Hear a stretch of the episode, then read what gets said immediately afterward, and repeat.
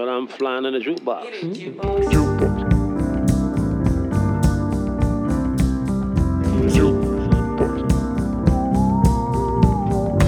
Flying jukebox. Hej och välkomna till den flygande jukeboxen, en podd av, med och för musikälskare. Mitt namn är Patrik Stanelius och i det här avsnittet träffar jag en person som kan vara den musiker jag sett spela live flest gånger i livet. Och det är Viktor Brobacke. Det är alltid svårt att sammanfatta poddgästernas liv och gärning i några slagkraftiga rader och när det är någon som har Viktors CV blir det nästan löjligt att försöka. Det är som Viktor själv säger. Ett tag skulle han vara med i alla band. Och det var han i princip också. Molly tonsatte första maj med irländska toner. Monster var The Clash karibiska flört, fast i Sverige. Chihuahua beställde allting på Folkets Kebabs meny till sitt albumomslag. Club Killers var husband på Debaser. Money Brother var The E Street Band fast i Sverige och så vidare och så vidare. Trots att det är först nu han är med som gäst i podden så har Viktor Brobacke varit något av en Kaiser Söze-figur i sammanhanget fram till nu. Det har tisslat som hans solo-EP Vuxna barn. Det har tasslat som Darja och Månskensorkestern och föreställningen Varat. Och när mickarna inte har varit på har det stundtals pratats öppet om Viktors fantastiska musik till Barnen från Frostmofjället. Den skivan och turerna kring den och mycket annat, bland annat en oväntad avstickare till en märklig tid i SVTs historia, pratar vi om i det här avsnittet. Och det samtalet börjar nu.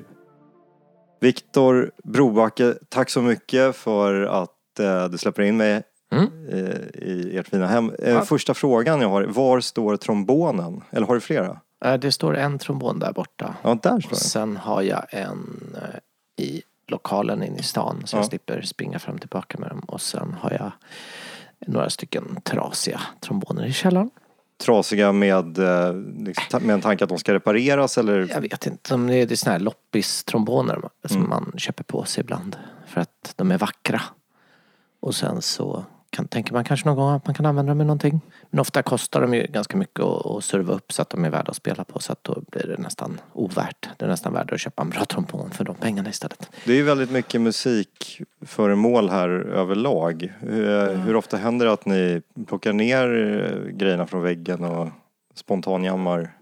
Vi spelar nog varje dag. Eh, vänta, nu tror jag det kom ett paket Ja, då, då pausar vi. Ja.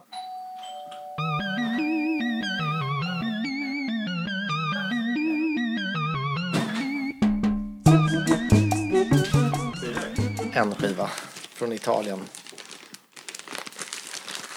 Ska jag öppna bara? För, eh, vi, vi gör det här först eller? Viktor har fått ett bud.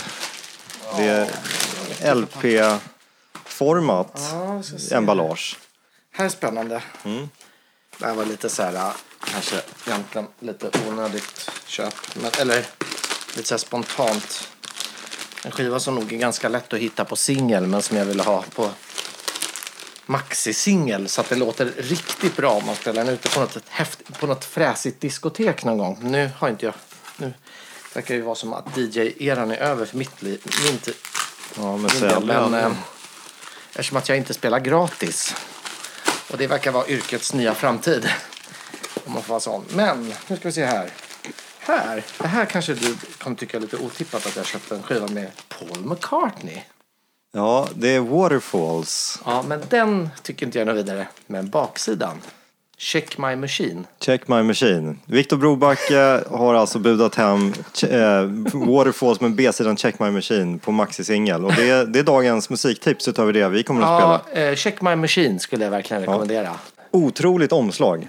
Jag, Ja. säga. Har, jag visste inte att eh, pollen var så här psykedelisk. I, Nej, men alltså när du hör Waterfalls har jag knappt ens lyssnat på. Men Check My Machine är någonting, det går inte ens så... Man tror inte att det är Paul McCartney, man tror att det är Lee Perry. Det Okej. är precis det det är.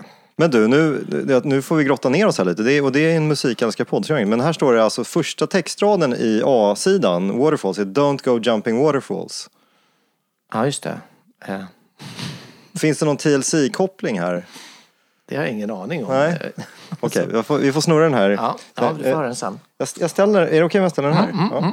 Ja, när vi spelar in det här så är alltså beskedet om eh, Lee Scratch Perrys bortgång eh, inte ens ett dygn gammalt. Mm. Snurrades det mycket dubb här igår? Nej, faktiskt inte. Nej, det hänger ihop med din tidigare fråga. Jag och Amanda, Amanda vi satt och spelade. Eh, apropå det här med instrumenten är framme och då blir det inte så mycket dubb. Men, men eh, visst, jag hade kunnat spela eh, Lee Perry igår eller dubb så här. Men eh, jag vet inte, jag tycker att det är... På något sätt känns det ändå så här, han var 85 år och det, vi kommer nog bli ganska vana vid att var och varannan vecka läsa om någon superviktig, influerande musiker som går bort. Det liksom känns som, nu har det ju dött liksom hur många som helst. Det dör ju människor faktiskt varenda sekund i hela världen. Men inte så många kanske som har uppfunnit dubben just. Men Nej, självklart. Och det kanske inte är just perspektivet han rycktes ifrån oss Nej, som är nej. grejerna. Men snarare att eh, det blir ett utropstecken och ett tillfälle att kanske snöa in på Precis. grejen ett tag. Det som kanske mest är att man som slår en är att han var väldigt, eh, som jag upplevde det, jag såg honom kanske för tre år sedan eller någonting, att han kändes liksom vital. Jag var ju nämligen så här väldigt skeptisk när jag såg honom senast. Jag tänkte jag orkar inte gå på det där. Så fick jag en biljett på Kägerbanan. Jag har sett honom säkert, jag spelade förband till Lee Perry med Monster en gång i tiden. Men, men eh, och jag tyckte så här, ja, det är ett spektakel och de vill bara kräma ut pengar ur den där gubben och lura honom och så här. Men så sist jag såg honom så var det så, jag är så glad att, att det var så jag minns honom. Det var så värdig avslutning för det var så sjukt bra. Han spelar ingenting, han går runt och snackar och dricker, han så här, I got champagne round and around my brain. Han, han liksom, det var inte cocaine, han körde champagne. Men sen gick han runt med en ballong på scenen. Jag tycker så här, världens bästa scenografi är också bara en ballong. En heliumballong eller en Ja, vanlig? som bara så här lite ledset eh, svävade.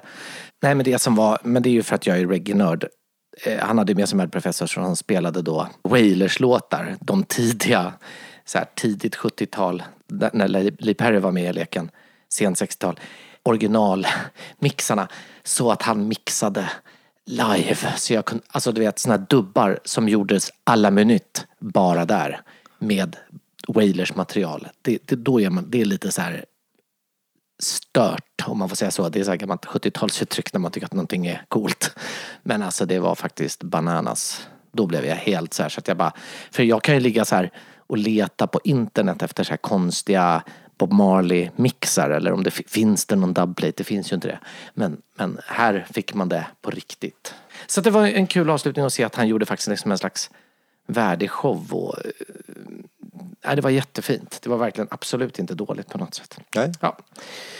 Bra, Ja, men eh, ja. du är hyfsat eh, inkörd med eh, det här formatets eh, koncept. Så att Okej. eh, då blir du kanske inte att, eh, jag drar igång första låten här för Ja. dagen. Och eh, så får vi se var vi hamnar.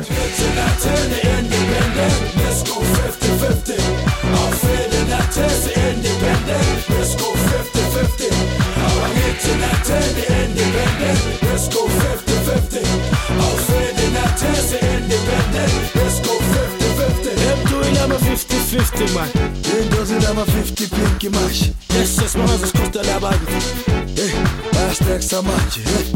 Hade med det så Svinbra. Aj, väldigt, väldigt supersång Inte med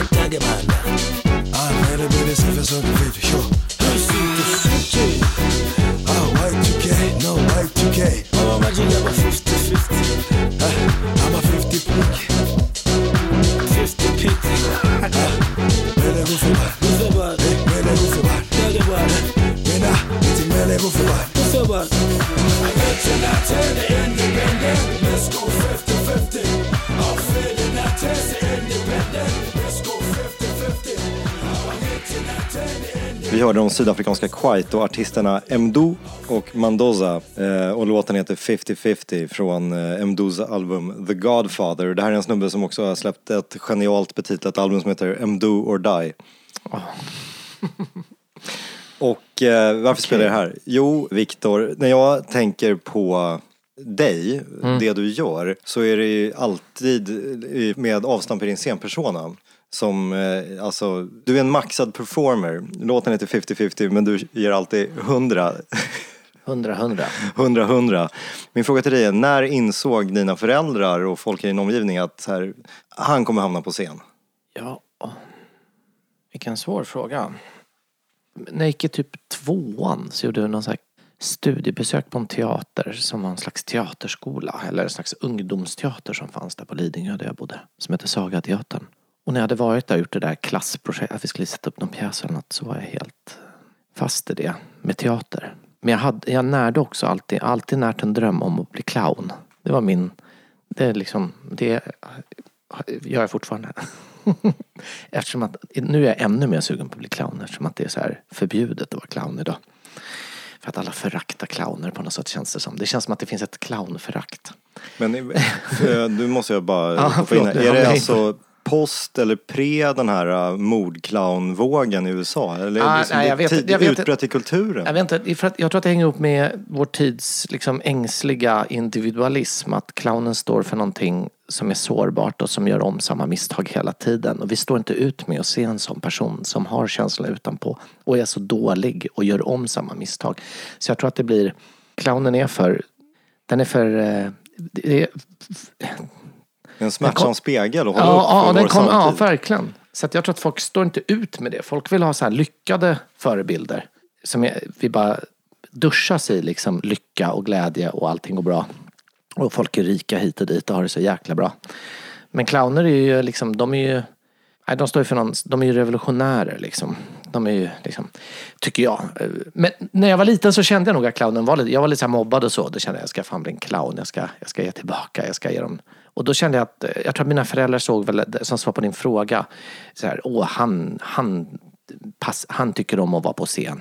Ja men då får han väl gå den där teateraktiviteten eh, efter skolan och så får han väl börja med något instrument då. För min pappa gillar musik och min mamma, ja de var väldigt intresserade av musik men så jag tror, jag tror att de såg väl det där i mig ganska tidigt och eh, lät mig få hitta eh, vägar att kunna komma till en scen. Som svar på den frågan. Ja. Men, men, men, eh, men det där med clownen, det, det var bara som en, någon slags sidospår. Att det, när jag tänker på det så ser jag att clownen finns alltid där hela tiden vid sidan om. Men det är ju en del, alltså nu, du, du kanske har analyserat eh, ditt, din egen eh, liksom artistpersona men Nej, jag har inte det. Nej okej, men fr, från, ett, nu.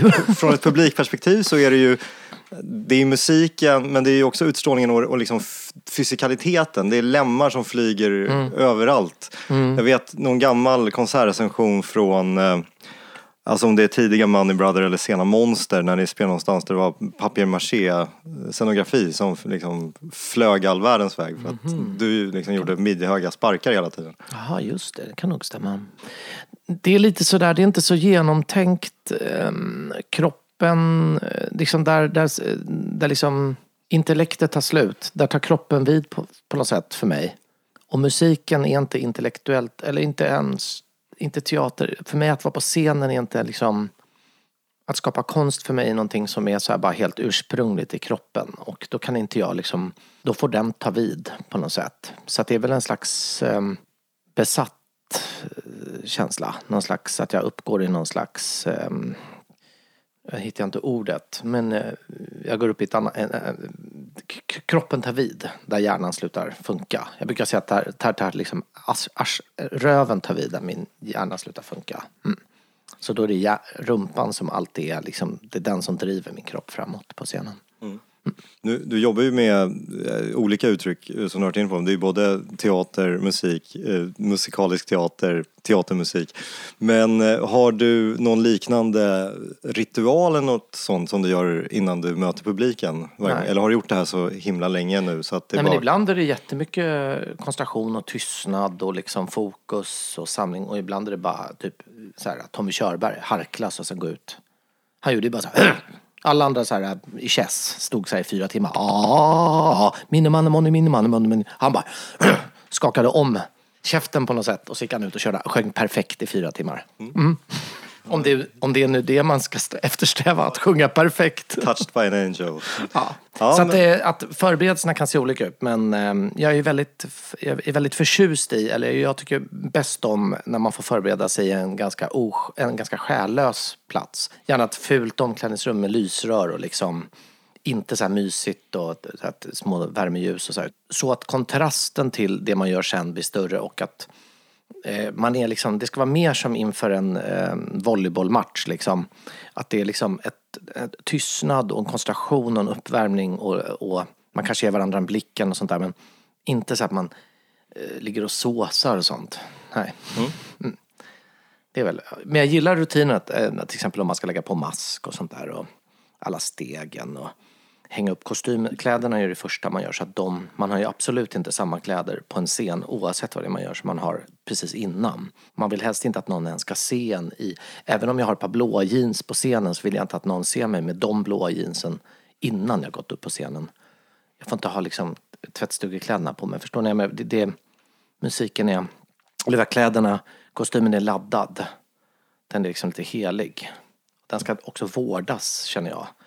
Den ska hänga, jag vill hänga upp den, jag vill att den ska liksom, den har ett liv och när jag sätter på mig dem, oavsett om det är en föreställning eller en konsert eller någonting, då inträder man i någonting annat. Så är lite, ja, jag är lite, det är jag lite noga med faktiskt. Mm. Vi ska återkomma till eh, kostym lite senare, men eh, vi ska inte gå händelserna i förväg. Jag tar eh, dänga nummer dos här. Ett gammalt örhänge. Perfidia!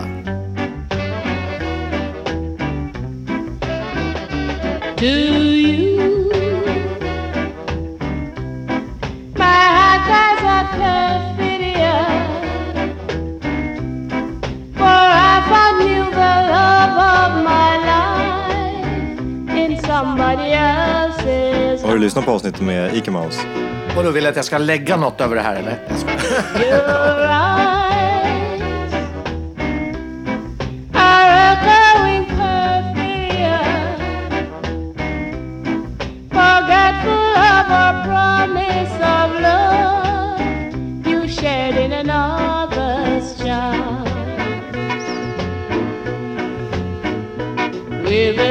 Lament, my dreams have faded like a broken melody. While the gods of love look down and laugh at what romantic fools we mortals be. And now I Viktor, jag känner den här är du så eh, intimt förknippad med, i alla fall i min värld, så jag vill att du ska ava den. Det där var låten Perfidia med Phyllis Dillon, om jag inte minns rätt fel. Ehm, Det gör du. Den är från Jamaica och jag misstänker att det är, låten är från början inte är från Jamaica. Nej, precis. Det är ett eh, marimba-stycke av den mexikanske komponisten Alberto Dominguez. Väldigt svennigt uttal där. Ja. Och eh, han skrev även en eh, spansk text till den. Men eh, sen så plockades den ju upp eh, av bland annat Ben E. King, Javier Sogat, den bandledaren gjorde den, gjorde den stor. Och då Phyllis Dillon även. Och Club Killers. Ja, just det. Anna Maria Espinosa.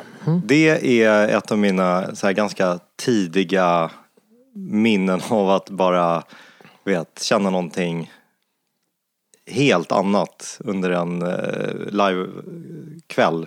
När, eh, när ni körde den, alltså någon av alla 3500 gånger på Debaser Slussen. Hon är ju inte kass på att sjunga. Nej, nej, och den var ju som... Jag tror nästan att det kan varit den, eh, nästan den första låten som vi tänkte så här, den här frågar vi Anna Maria om hon vill sjunga. Jag och Gustav Bent. För den kändes som att den är liksom gjord för henne. Hon har ju, hon, hon, det, det är liksom en sån riktig Anna Maria-bit. Hon sjunger ju den otroligt bra. Vi gjorde en inspelning med den här och det finns som en rolig musikvideo på internet om ni går in på www internet. Men grejen, det roliga med Anna Maria är, nu har vi ju spelat ihop i 15-20 år snart. Hon sjunger alltså ännu bättre idag. Hon har liksom, steppat, alltså från att ha varit världsbäst så är hon kanske universums bästa. Nej, jag överdriver. Eller jag skojar men hon, hennes röst har liksom, det har hänt någonting med den. Den har liksom fermenterats. Nu är det en riktigt bra kimchi, hennes röst. Äh, den är så, den är så fin nu på sistone när vi har spelat. Det är så kul. Det är så roligt att, att utvecklingen liksom kan gå, att det händer saker med ens röst. Jag vet inte hur jag kom in på det men Jo, vi per- prata om Anna Maria Spinoza. som man ber henne sjunga den här nu så kommer det låta ännu, ännu ballare faktiskt. Ja. Mm. Jag, jag är väldigt förtjust i den här gamla, gamla, gamla dängan. Jag tror, alltså, den skrevs någon gång på 40-talet. Mm. Eh, och eh, det finns ju någonting eh, nostalgiskt och längtande i den. Och det känns som att det är en eh, känsla eller ett läge som ganska ofta återkommer i musik som du är involverad i. Nu, nu är det- ju liksom studsigt och stompigt i Club Killers men eh, Mm. om man tänker på till exempel Månskensorkestern. Ja, ja absolut. Eh, melankoli, det tycker jag är ett bra ord. Det är jag verkligen förtjust i. Melankoli är liksom inte laddat på samma sätt som vemod är ju också ett fint ord men det är, nej, melankoli är mera gött. Mm, det finns sätt. ju någon sorts njutning inbakad Mm. i det. Nej, men det, det är en intressant eh, reflektion för det, så är det verkligen. Jag är verkligen förtjust i musik som... Nej, den där känslan av att jag är färdig med det där men jag saknar ändå. Jag vet inte. Man vill ha kakan fast man ändå äter upp den känslan på något sätt. Ja, någon dubbelhet inför det som har varit. Ja. Men om man då ska snacka mer specifikt om eh, Club Killers. Club Ja. Killers eller Club Killers, var ligger jag betoningen? Inte, jag vet inte. Killklubbers som det var någon som sa i Småland eller... Ja. Nej men eh, jag vet inte hur man säger det där. Det får man hitta på själv. Men ni var, det är ju ett presens Mm. fortfarande, men det var ett par år där ni var stans mest happening Ja, kväll. tror, vi, vi drev klubben en onsdag i månaden i tio år i sträck. Mm. Med något undantag, jag hoppade över någon julafton eller vad det var. Men eh, så var det. Sen flyttade vi runt lite och det blev liksom lite svårt att hålla ihop där. Vi är väldigt många och så. Kan man ju förstå. Nu har alla liksom 37 barn, 85 sommarstugor och 900 hobbys och partners och hundar och grejer. Så att folk har inte tid att spela Perfidia längre på samma sätt. Ehm, och dessutom var vi ju 32 stycken. Nu är vi väl bara 12 kvar eller något sånt där i bandet. Men, ehm, nej, men det var en häftig tid och roligt att det, jag, börjar, nu börjar jag se i backspegeln bisarrt mycket arbete det har varit att hålla ihop en sån stor orkester. Och jag är glad att jag har gjort det. Det har varit ett bra arbete. Det är ungefär som att ha varit en någon slags eh, Nej men att man har hållit på med någon slags förening eller någonting. Och för de som inte vet exakt vad vi pratar om så kanske Ja. man bara kan dra det i stora drag. Ja, eh, vi, eh, Club Killers finns fortfarande och är både en, eh, själva konceptet är att vi är en klubb men vi är också en orkester. Ett storband som väl kan man säga formaterar om både eh, välkända gamla jamaikanska dängor från eh, 60 och 70-talet men också vi också gjorde väldigt mycket att vi hade olika hemliga gäster. Vi har alltid haft hemliga gäster varje kväll och då har det varit tagit deras musik och gjort den som om den var inspelad på Jamaica 1969. Så att det har varit liksom artister fast med deras musik eller ja, annan populärmusik som jag har gjort om till Jamaica. Så så kan man säga korta drag. Med mycket blås, mycket, mycket slagverk, mycket keyboards, mycket, ja, mycket av allt. Och gick man förbi det numera för länge sedan insomnade jamaicanska stället Backyard Just på Folkungagatan så satt det alltid någon eller några från Mm. Club Killers som någon sorts permanent möblemang. Så att eh, det var, som du säger, alltså extremt mycket jamaikanskt. Mm. Och ni höll den fanan högt och jag, tror- jag tror inte att någon ens tänkt tanken på att det skulle vara fel eller något så här, utan det är verkligen liksom värdigt förvaltande av en eh, musikalisk Ja, det där har jag tänkt mycket på på sistone så här, kring kulturell appropriering och sånt. Det är ju en jättekomplicerad fråga men eh, eh får man göra, eller ja, det där behöver jag inte gå in på men jag undrar liksom en sån orkester, får man göra det? Får vi... Vi leker ju att vi var en jamaicansk orkester. Det var ju en lek. Och sen att en del i bandet så här, Desmond har ju jamaicanska rötter. Eh, Winston, Barbados. Eh, eh, och sen ah, med andra, alla möjliga andra länder inblandade. Men, men eh, det var ju en, en ren kärleksförklaring. Och det är fortfarande det. Egentligen, det är ju fint. Fint gjort. Om man snackar om eh, din eh, långvariga fascination och fäbless för Jamaica och jamaicansk musik. När, tog, när tog den fart? Eh, det var nog på högstadiet tror jag, eller något sånt där. Med hela den här liksom, man var lite punkare och så upptäckte man att det fanns lite så här skinheadsmusik. Madness och specials och sånt där. Men morsan lyssnade ju ändå, det var ju ändå Bob Marley hemma liksom. Och i bilen och sånt där. Men det kopplade man ju inte riktigt. Men då var det sen via den där lite modernare ska-musiken och så ganska snabbt halkade man in på hela, och så eh, hela Jamaica Jamaica-baggen. Och fattade att hur den hängde ihop också med, med soulen och rhythm and bluesen och jazzen och boogie-woogien. Ja. Så att det var väl där någonstans i högstadiet. Sen blev det en sla- slags identitet. Man, var liksom, man visste inte ens vad det var för sorts subkultur man hade om man lyssnade på ska. Man var någon slags skare. Du, en fråga apropå Club Killer som jag Mm. alltid varit nyfiken på. Och jag är liksom inte riktigt vet men var det på grund av att du skulle ägna mer tid åt det projektet som du för en tid lämnade Money Brother Nej, eh, det var för att både Money Brother tjongade igång något så här enormt med liksom jätteturnéer utomlands och allting. Och jag fick precis mitt andra barn. Och sen så var vi liksom, vi var rätt, jag och Anders var rätt sneda och trötta på varandra. Det var liksom ingen god stämning. Det var bättre att sluta innan vi liksom blev mer osams. Men sen så har vi liksom, vi känt varandra så länge så att vi, idag är vi ju jättebra vänner liksom. Så det var, ett, det var ju bra, man måste ju göra slut ibland för att kunna bli ihop igen. Så det var därför, så det var, men det var nog bara ett par tre år som jag inte var med. Men det var väl när Money Brother var som allra, allra Ja, störst, precis. Alltså det var ju, jag tror att, nu sitter jag liksom och rabblar din historia, men det var väl eh, efter eh, andra skivan och innan den svenska coverskivan precis. Pengabrorsan. Ja, ja, just det, precis. Ja. Ja, ja men eh, då, då är det löst. Ja, det var det löst. Ja. Ska vi hoppa vidare i Ja. Mm. In Other Music?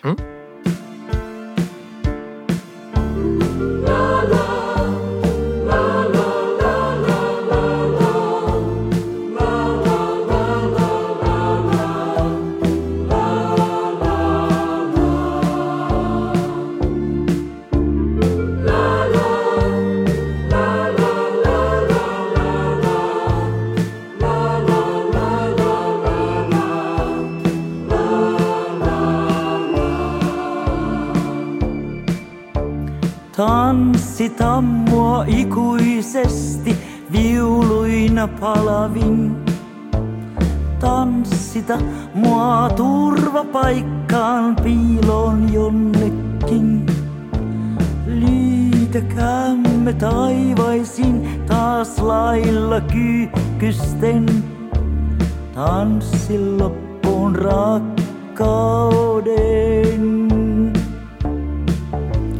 Tanssi loppuun Rakkauden.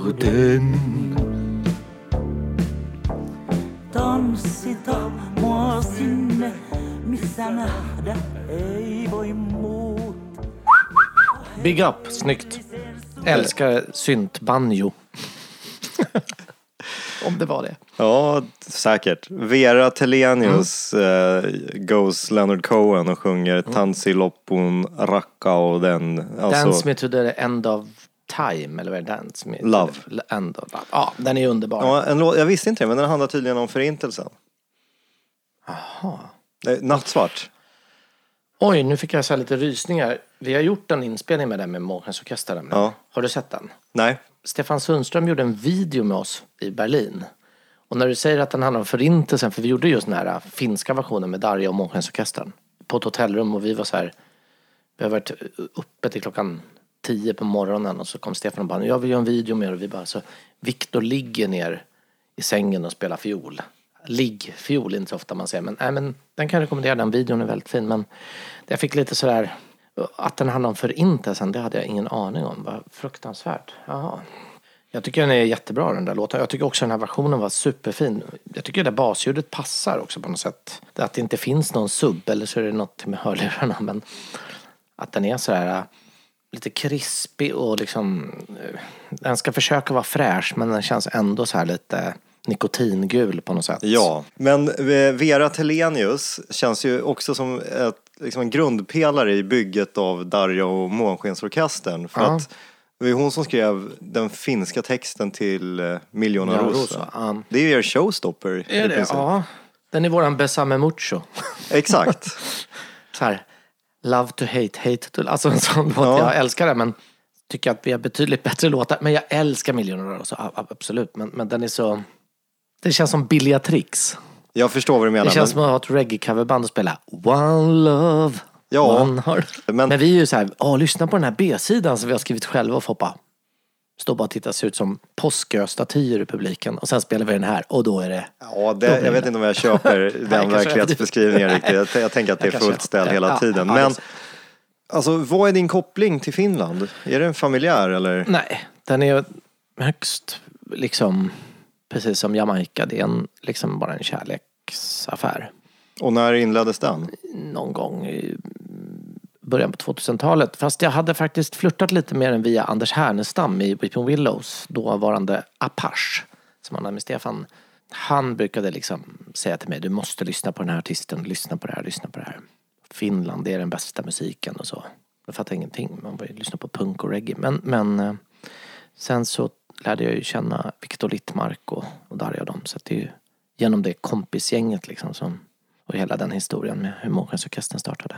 Så men, men då vill jag veta, fanns den idén om det bandet innan du lärde känna dem? Eller ja, var det någonting här, ni födde tillsammans? Göra, ska jag göra en lång historia kort. Amanda, min eh, sambo, hon åkte till Bosnien med eh, någon eh, musikprojekt med, med Chip, to, Chip to, to Bosnia efter, liksom, efter kriget där. Så byggdes det upp ett kulturhus i Tuzla, saltgruvebyn där. Och eh, då åkte hon dit och då lärde hon känna det här gänget som var ett gammalt kompisgäng från någon gammal Waldorfskola någonstans. Eh, Daniel Rossetti, eh, Viktor Littmark, eh, Janne Tavares var med på den tiden också, en basist och så här. Men, eh, och Darja Pakarinen. Och då Viktor hade en idé om att han ville starta Finns tangoband. Vi hade precis bara lärt känna honom. Och då frågade han såklart Amanda, för han hade sett henne spela dragspel med det här tyska punkbandet Lüchen. Och hon sa såklart nej, för det brukar hon göra. Och eh, då övertalade de henne och sen så började de spela med dem. Och då repade de hemma hos oss, för vi hyrde en gammal skuttig kråkslott i Stureby och hade replokal där. Och jag var inte med. Men jag stod där och tjuvkikade och blev så här avundsjuk att det fanns ett band som inte jag var med i. Jag var ju van att vara med i alla band. Så att, eh, det här var ju på den tiden när jag var med i alla band på 1900-talet. Förra, för, förra århundradet så var jag med i alla band på slutet av det. Men så då tjatade jag lite om jag kunde få vara med och de sa nej. Men sen så, jag bara trombon, det måste man ju ha i en finsk tangoorkester. De bara, ke? Eh, vad menar du? Men eh, till slut så lyckades jag övertala dem att få vara med. Eller jag kanske började smygrepa i rummet bredvid. Helt plötsligt stod jag i samma rum och spelade trombon. Antagligen var det så. Så så eh, smö- vägen är det. tjatade jag in mig. Tjat lönar sig. Det har- brukar jag göra, har jag lärt mig av mina barn. Och nu är det ju inte bara trombon, det är även skrot och Ja, lite sånginsatser. munspel och, munspel ja, och- lite så. Det känns som att du gör dig mer och mer oumbärlig. Ja, absolut. Nej, men eh, jag, jag är jätteglad att få vara med i det bandet. Jag tycker det är ett helt fantastiskt band. Det är, jag, jag liksom, ligger mig väldigt varmt om hjärtat att få spela ett riktigt bruksmusikorkester sådär. Att göra musik, åka runt och spela för alla sorts människor i alla åldrar och alla liksom, förutsättningar. Det tycker jag är jävligt häftigt. Att inte bara åka runt på klubbar och spela för ens kompisar. Du, eh, vi går vidare i rask takt här. Ska vi kolla att lever. Ja. Det här är kul, för det här är någonting som jag är väldigt nyfiken på eh, att höra dig prata om. Eh, Alltså inte låtvalet i sig, utan det den ska leda till. Okej. Yo vivía en el bosque muy contento. Caminaba, caminaba sin cesar. Las mañanas y las tardes eran mías. A la noche me tiraba a descansar. Pero un día vino el hombre con sus jaulas. Me encerró y me llevó a la ciudad. En el circo me enseñaron las piruetas y yo así perdí mi amada libertad. Conformate, me decía un tigre viejo, nunca el techo y la comida han de faltar. Solo exigen que hagamos las piruetas y a los hijos podamos alegrar. Han pasado cuatro años de esta vida, con el circo recorrí el mundo así, Jag känner att min spanska är så bristfällig, så tråkigt. Man förstår bara vissa ord. Ja, vad snappade du upp? Dagen. ja, något sånt. Ja, om du hade varit i eh, Buenos Aires eller valfri Mm. plats i Argentina för den delen i slutet på 60-talet så hade du hört Morris, som artisten Mm. Okej. Mm. heter, sjunga El Oso ur varenda högtalare på Mm. varenda gata. Det här är alltså en låt skriven ur en björns perspektiv. El Oso, björnen. Mhm. Jag förstår. Och eh, den handlar om en björn som har det superbra fram Mm. tills att eh, en människa kommer att fånga in honom och släpar iväg honom till en cirkus. Gud vad fint. Anar du min koppling här nu till Nej. Viktor Brobacke? Nej, det gör jag inte. Okej, därför att Du menar perspektivet att man är en del av naturen eller att man är ett djur? Eller? Ja, det får du gärna prata om sen. Jag tänkte prata om mitt uppsåt först Ja, här. Men ja. för att under en kort tid, i en märklig period av liksom, vår moderna historia, så var ju du ändå del av en av de viktigaste institutionerna i detta rike. Björnens magasin. Jaha.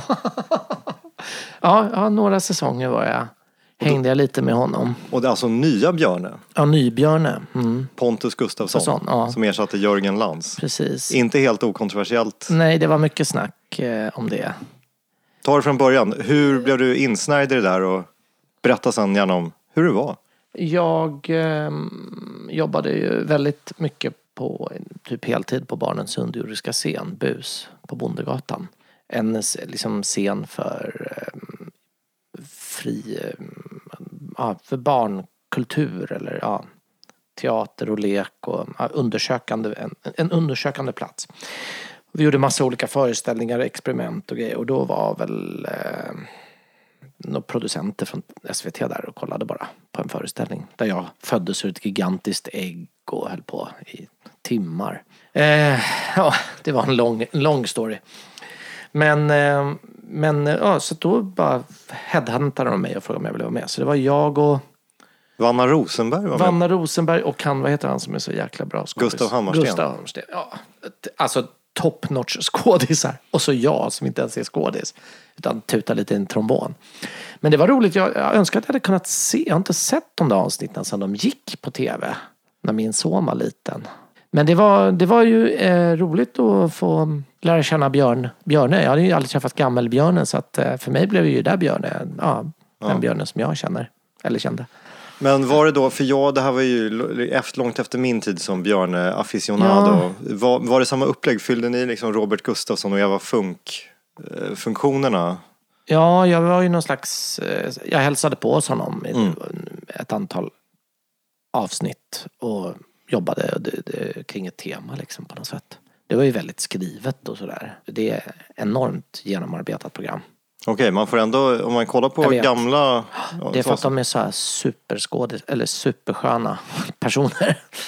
Men, eh, ja men det kanske var mer loose 87 än 97. Nej vad gjorde jag det här? 00, 2000. Ja, 01. jag kan, där. ja, mm. Men jag minns inte så jättemycket om jag ska erkänna. Okej. Jag kommer inte ihåg så mycket. Mer än att det kändes som att det var väldigt rustikt och genomarbetat. Och, eh, det var på den tiden när kultur för barn fick kosta pengar. Mm. Skulle jag vilja påstå. När barnprogram inte handlade om skrikiga tävlingsinslag och inköpt skittecknat från, ah, förlåt men alltså när man la pengar på barnkultur. Det gör man ju fortfarande i, men inte i den utsträckningen. Nej. Men var det här också en period för att eh, det är liksom lite i glipan mellan Monster och att Money Brother det, tog ja. fart på allvar? Var du fortfarande lika sysselsatt med musiken då Ja, eller? det var, ja, det var det. hur och, många- Så det var bus på morgnarna, spela in på dagarna och gigga på nätterna om jag minns rätt. Jo, Mm. men det var väldigt intensiv tid. Hur många måndagar dök det upp i sämre än bra skick? Jag minns, det här är en rolig... Jag minns ett avsnitt vi skulle göra, det var att jag skulle hoppa så här från tian från en trampolin. Och jag hade faktiskt varit ute och festat dagen innan. Det var en sån blandning av så här, någon slags lite bakfylleångest och att jag var skiträdd för att hoppa. Men jag gjorde det. Tian, var det det? Jo, jag, jag vill gärna minnas Det var tian, vi Ja, ja, absolut. Ja. Men det var i alla fall den där som är högst upp. Ja. Eh, Det var ett avsnitt som handlade om att våga hoppa. ja, but I did it. Ja. Ja. Och det där måste man ju jaga rätt på. Ja, jag tror inte att det, det finns inte på Öppet arkiv och sånt där. Nej, Det finns några med Eva och några med, med Björn. eh, Eller Robert. exakt. Och de är ju fan, alltså det är så bra. Det är så f- välgjort och så fint och sånt avslappnat och lugnt tempo. Det finns en slags ett lugn som man kan sakna i barn-tv idag. Inget ont om de som gör sitt bästa men jag skulle vilja säga till dem som bestämmer på tv att satsa lite på lugnet. Det kan nog ungarna behöva i, som en motvikt till allt annat jävla ös som det man duschas i resten av minuterna när man är vaken idag.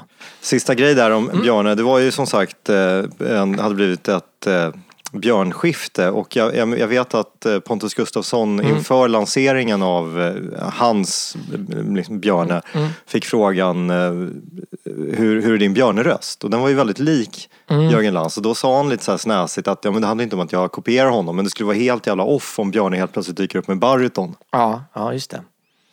Det blev ju någon sån där beef mellan, eller Jörgen snodde ju typ dräkten och drog till någon Älvsjömässan, gick runt och delade ut ballonger och, och tog hundratusen i gage.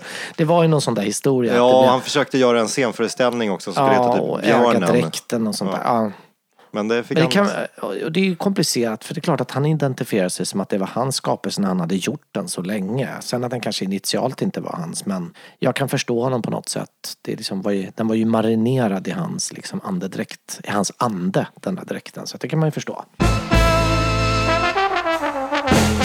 Åh! upprättelse!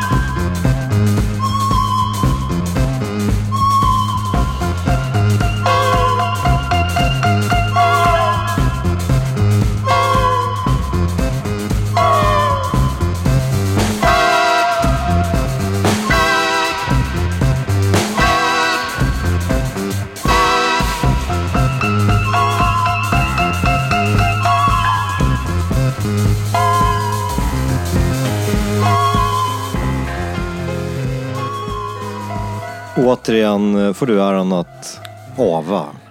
Dans på frusen åker eller och eh, Misshandeln av Gullspira heter den här låten. Från eh, Viktor Broback och Djurkapellets musik till föreställningen Barnen Från på- Frostmofjället. Från Frostmofjället. Från Frostmofjället ja. Är det smärtsamt att lyssna på det här med tanke på hur saker och ting Eh, blev? Nej, men det, är en, men det var kul att det var, höra från någon, att det var någon som spelade och att det inte var jag som hade sett på låten. Det, var- för det var nästan första gången som jag hör någon annan sätta på de här låtarna förutom Alexander Pierre som spelade in det. Så att, eh, nej men lite smärtsamt är det ju. Det var ju klart att jag satt ju ett, nästan ett år och skrev 30 låtar. Och det här var, det, det skulle sättas upp som pjäs på Uppsala. Uppsala stadsteater, Stadsteater. skulle haft premiär förra julen då. Så för exakt ett år sedan, typ idag, så började vi repetera den här föreställningen på Uppsala stadsteater. Och vi hann väl repa i ungefär tre veckor innan vi ställde, allt fick läggas ner. Teatern fick stänga av förklarliga skäl. Herregud, det är en farsot som drar över världen och folk dör som flugor, så det är inte så konstigt. Ja, och sen så kom då det, vad ska man säga, yttersta dråpslaget och det var beskedet att den kommer inte skjutas på framtiden. Nej, utan den slängs. Den slängs för Ja. att det är helt enkelt andra grejer som ska in i tablån. Man, Ja, någonting. Och sen att det är dyrt att spara en sån här föreställning med, tänker jag. Eller vill tänka att det är det. För att det var en enorm scenografi som Matilda Hyttsten hade ritat som var, som var helt fantastisk. Men det var, det var något åtta meter högt hopfällbart fjäll och sånt där Så att det, var, ju- och det var en snöskoter, det var några radiostyrda hus. Och, ja, det var lite grejer. En, så här, en berusad öppen spis och lite sånt där. Smått och gott. Nej men det var ju tråkigt att det inte blev något men jag hade ju turen att tjata då, som jag har lärt mig. Så jag tjatade på teatern att vi ändå anställda några månader till, jag och orkestern jag satt ihop och en i orkestern har en fin studio. Kan inte vi få spela in en skiva istället? Och så ringde jag Carl Jonas på Singer Songfighter och frågade om han ville släppa det tillsammans med Uppsala stadsteater. Så då blev det ett dubbelalbum istället. Så vi var en månad i studio och spelade in. Precis. Är det här det mastigaste musikaliska projektet du någonsin alltså, tagit dig an som, som kompositör? Ja, det är det absolut. Ja. Men det var ju så roligt att få betalt för att sitta och skriva och jobba som en galning. Som en galen människa. Instängd. Jag får, när jag lyssnar på det här, och det är liksom, det kanske är den, den kortaste och eh, simplaste vägen att tänka, men jag får ju lite Kåldolmer och Kalsipper-vibbar. Ja, men det är klart. Det finns mycket sådana kopplingar. Eftersom att det var också samma regi. Jag gjorde ju den en gång i tiden med Club Killers på Parkteatern. Och Kajsa Isaksson regisserade. Och nu skulle Kajsa Isaksson regissera också. Så initialt så var det hon som frågade mig om jag ville hålla i musiken och vara kapellmästare och så här, sätta upp musiker och skriva musik. Så att, och sen blev det också samma idé om barn på flykt. Barn som gör någon slags resa genom vuxenvärlden på något sätt. Barnens, jag, jag lekte med idén att barnens mamma dör i början. De sitter typ inlåsta i, eller sitter i en, en tvårummare i Hallonbergen och liksom typ så här, typ kanske kommer från Somalia eller någonting Om man dör i corona och pappan har försvunnit eller blivit alkis och dragit och sen att de sitter där och så hittar de den här boken hemma eller så leker de den här boken som Laura Fittinghoff skrev för 120 år sedan eller vad det är. Mm. Så, så att det var någon slags lek att de, deras leksaker får liv eller deras guldspira, deras ledsagare är någon slags blandning mellan mamma och gud och någonting. Fick liv i garderoben. Hon, I början på skivan så får ju hon liv och säger teater, då måste jag få vara med. Så att någon, ah, det blev som ett konstigt metaprojekt. Föreställning, skivan fick också corona på något sätt. Eh, och dog. Skivan dog ju också. Det är ju ingen som vet om att den finns. Den, är ing- Du är den första som ens nämner att den existerar. Jaha, i min värld var det min värld är kanske lite svajig och konstig, men min värld var det liksom enormt stort att Viktor Brobacke släppte dubbelalbum Ja, på är det, Sing a Song ja, det är jag, ja, jo, det är jag, Carl Jonas, som har tjatat på internet. Men det är nog inte, och så några morsor som har sagt att vi är duktiga. Det är väl ungefär på den nivån det är. Men, Okej. nej, men jag låter lite bitter, men det hade varit roligt om någon visste om att skivan finns. Nu kanske någon får veta det, men det finns en dubbel-LP. Jag har gett bort de flesta, men det finns nog några i Carl Jonas hall också hemma. Och sen några, kanske det står längst bak i någon skivback på Pet Sounds. Ja, och för tusan, den är också På internet. tillgänglig digitalt. Just det, så det här är ju en Ja. grower, Ja, Viktor. ja, ja. Jag ska knyta ihop säcken Mm. med en låt och eh, den, förhoppningsvis så ska den ju liksom slå en liten rosett på det vi har pratat om. Och jag sa ju att jag skulle återkomma till ämnet kostym, eller hur? Mm, ja just det. Just det. Ja. Ja. När du eh, mötte mig i dörren så, det här kanske är liksom din måndagsdress, men det, det finns någonting i ditt uttryck som ändå, jag tycker det är lustigt. Jag påminns om en människa. Som jag sedan tidigare velat prata med dig om. Okej.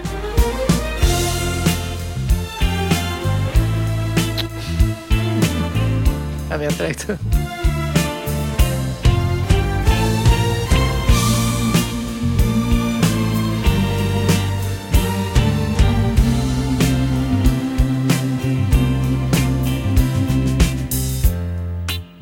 I'm changing, I'm changing,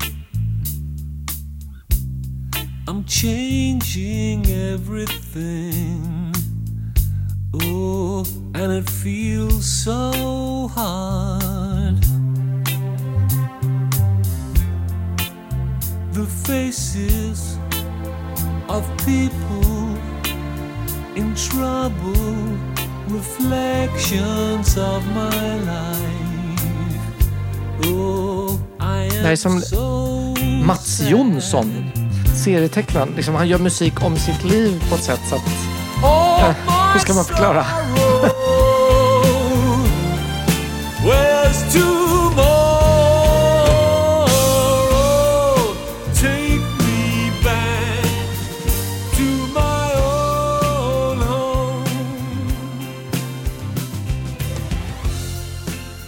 Det här vi lyssnade på var ju då alltså Kevin, Kevin Rowland, Rowland, Reflections on my life. eh, Från soloalbumet My Beauty som släpptes 99 och blev bespottat. Alltså, Mm. han, han visade sitt hjärta, de spetsade det och kastade i skogen och pissade på det i princip. Men eh, den Det fick... var ju lite andra kontroversiella grejer som hände kring den där skivan livemässigt kan man ju gott säga. Men ja, Ja men precis, men musiken fick ju aldrig en ärlig chans. nej, nej, men det, nej.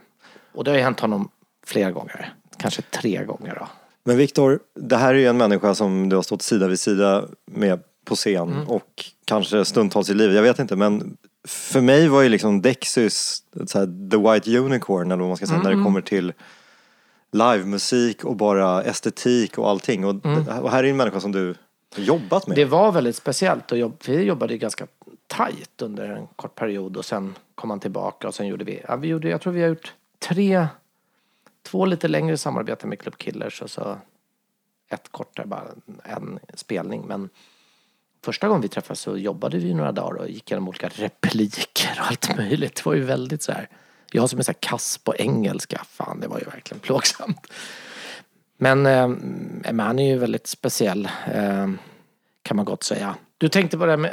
Ja, eller, Eh, Förlåt, nej, men jag tänkte dels som när han var orkesterledare själv, alltså de här historierna som man liksom får höra om i efterhand. Han drillade Ja, ja. sina Midnight Runners, de var liksom sprang flera kilometer, Ja, liksom, boxades och Gjorde sit-ups och... ja. Han tog hela förskottet eller vad det var och köpte en hel sida NMI där han skriver att vi vägrar göra intervjuer vi kommer inte prata med någon enda tidning eller göra en enda, det här är det, det här får ni veta om oss. Och så skriver de ett manifest som de publicerar i någon jättetidning och kostar hur mycket pengar som helst. Bara alla såna här galna ekonomiskt, eller att han gör så här videos som kostar hur mycket pengar som helst och skivbolag. Spelar in skivor så här länge och dyrt. Ah, det där får du fråga Andres Locco om som är en riktig Kevin Rowland narkoman. Nej, jag skojar lite. Men, men eh, det som jag kan tycka är lite dubbelt är dock, jag tycker att han är fantastisk och att det är verkligen intressant. Men jag, jag kunde också bli så här sned på honom för att han är ju en sån här konstnärer, eller det, det är ju inte, det är inte riktigt en lagtyp. Nej, jag förstår Han är ju inte en, eh, upp, inte någon kollektivist på det sättet. Det Så här, jag tar steg tillbaka så ser vi vem som kan blomma och vi gör saker tillsammans. Det är väl, I alla fall då, men han kanske mådde dåligt. Men var ju enormt självupptagen på ett sätt som är ganska så här, nu är jag lite hård men eh, när man också är så här, om man har haft missbruksproblem och går i massa terapier och går på massa behandling och sånt där. Då pratar man ju om sig själv ungefär fem dagar i veckan i olika gruppsamtal. Då blir man ganska odräglig narcissist. Så att, att han, han gjorde en video där han sitter och kollar på massa klipp på sig själv blev jag ju inte så här jätteförvånad. Nej, det är on-brand. Sen kan, måste det ju få handla om en själv ibland också, absolut. Men det var kul att jobba med dem. Han, han gav ju ändå ett visst förtroende till oss och vågade liksom släppa lite på. Vi fick ju göra rocksteady ska rock reggae-versioner av hans låtar. Och att han gav oss det utrymmet, det kändes ju helt bananas. Det tycker jag var det roliga, att vi bara, fan, han är med på det här. Liksom, jag kan säga så här, nu gör vi så här och han lyssnar. Eller kunde, eftersom att man har en bild av honom att han är verkligen världens hård, att alltså James White istället för James Brown liksom. Nej men, alltså, Jag fattar. Och eh, allt som oftast felfritt klädd. ja, ja, ja, just det, ja. Och du är ju väldigt stilig på scen, framförallt i Darja Månskensorkesterkonstellationen. Ja, när, när du spelar, när du gör eh, till exempel Varat så är det lite mer typ soptips. Ja, just det. eh, Ja, Tom, ja. vad heter han, Huckleberry Finn. Ja, just det, just det. Han är med. Väntan på Godot-stuket. Ja. nej, men, men det, var, det är väl för att det är kul att klä upp sig när man är på scen. Och Månskensorkestern så är det mycket med hänsyn och respekt till våran publik som är ofta äldre. Då kan det inte komma upp. Det kan inte liksom vara så här tvättstugan som jag sa förut. Liksom, komma upp mjukisbyxor. Ja men sån här singer-songwriter-stilen. Förlåt alla singer-songwriters men så här rutig skjorta och gamla jeans. Det är inget fel på det. det måste, men, men, men då är man ju väldigt förtjust ibland på att ta det där åt ett annat håll. Med Månskensorkestern körde vi ju helt i läder ett tag. Det var ju väldigt kul. Just det. Det var- gick ju inte riktigt hemma hos publiken men vi tyckte ju det var väldigt roligt. Att få vara så här Tom och Finland-stilen. Men då eh, nyfikenhetsfråga om eh, tiden med Kevin Rowland. Kom det något direktiv från honom att så här, ni får inte, alltså Nej. se schysst ut men ni får inte vara vassare än mig? Nej, det, det sa han faktiskt aldrig. Men nej, han tyckte vi var fint klädda, kommer jag ihåg. Han pratar mycket om det. Han pratar ju väldigt mycket om kläder. Mm, ja, men, så här, extremt mycket. Oh, Victor, you you have a perfect skinned outfit. A li- one thing, you have a little too bulky turn-ups. Jag var helt perfekt. Exakt rätt skinnad stil. Förutom lite för feta uppvik på jeansen. Det ska ju vara, ska ju vara kanske... Nu visar Viktor att det är liksom det vara, en jag tror att alltså, centimeter riktigt ska det väl vara så ungefär. Ja. Den, alltså vi snackar Väldigt lite fyra, alltså en, en centimeter. Ja. Och så ska det vara stadkant och äkta sån här BGI jeans. Men jag hade väl en och en halv och då Mm. såg det lite för, det, det blev för oj. För att, eh, en sista grej här för att under en period eh, så var ju Money Brother ansett som Sveriges bäst klädda eh, band. Och då vet jag, jag Då pratat var inte jag med... med Bunny Brother tror jag. Var det? Jo, för Ja, att ja. det här, jag har en, eh, ett, efter ett samtal med en icke namngiven medlem som eh, hade gått och köpt en guldkavaj som det blev lite tjafs om, så tog du strid för den här guldkavajen. ja, den var ju... Och ska en, enligt uppgift ha sagt, du är underhållare, det är ta mig fan din plikt att, ta på dig den där. Ja men det, det, så är det ju absolut. Men den, den var ju fantastisk. Det var en sån här Maharaja-kavaj. Men det var ju, det var ju superfint. Alla andra såg ut som så här svartklädda eh, så här, Coolingar. uppslag i tidningen King. Ja, precis. En så här liten välsittande svart kostym som de typ har på så här tv-sporten idag. Alla ser ut som mods som jobbar på tv. Det är därför man inte vill ha modskläder längre. Eh, Så, så är det med mig. Man ser ut som man jobbar på så här nyheterna. Smala, så här fina, välskräddade små tunna kläder. Alltså det är tråkigt. Man ser ju bara ut som man... Ja, jag vet inte, det blir helt... Det, blir, det är så lite show i det. Men guldkavaj, då är ju man på en helt annan nivå. Ja. Men det finns faktiskt en, en till som har en guldkavaj och det är Ola Nyström i Weeping Willows. När han, han, ibland gästar han med Månskensorkestern. Men, han får bara vara med om han har sin guldkavaj på sig. och han har en sån här Elvis guldkavaj. Sån här. Ja, den är iögonfallande. Ja, väldigt fint. Ja. Bra, du, Ja. då har vi gått i mål. Det här Ja. gick ju smärtfritt. ja, högt och lågt. Jag vill återigen tacka så mycket för din tid. Och eh, gästfriheten. Det var jättekul att få snacka om sig själv för en stund. Ja. Och eh, till alla er som lyssnar, eh, vi hörs snart igen. Mm. Tack Viktor. Hej, tack! Okej.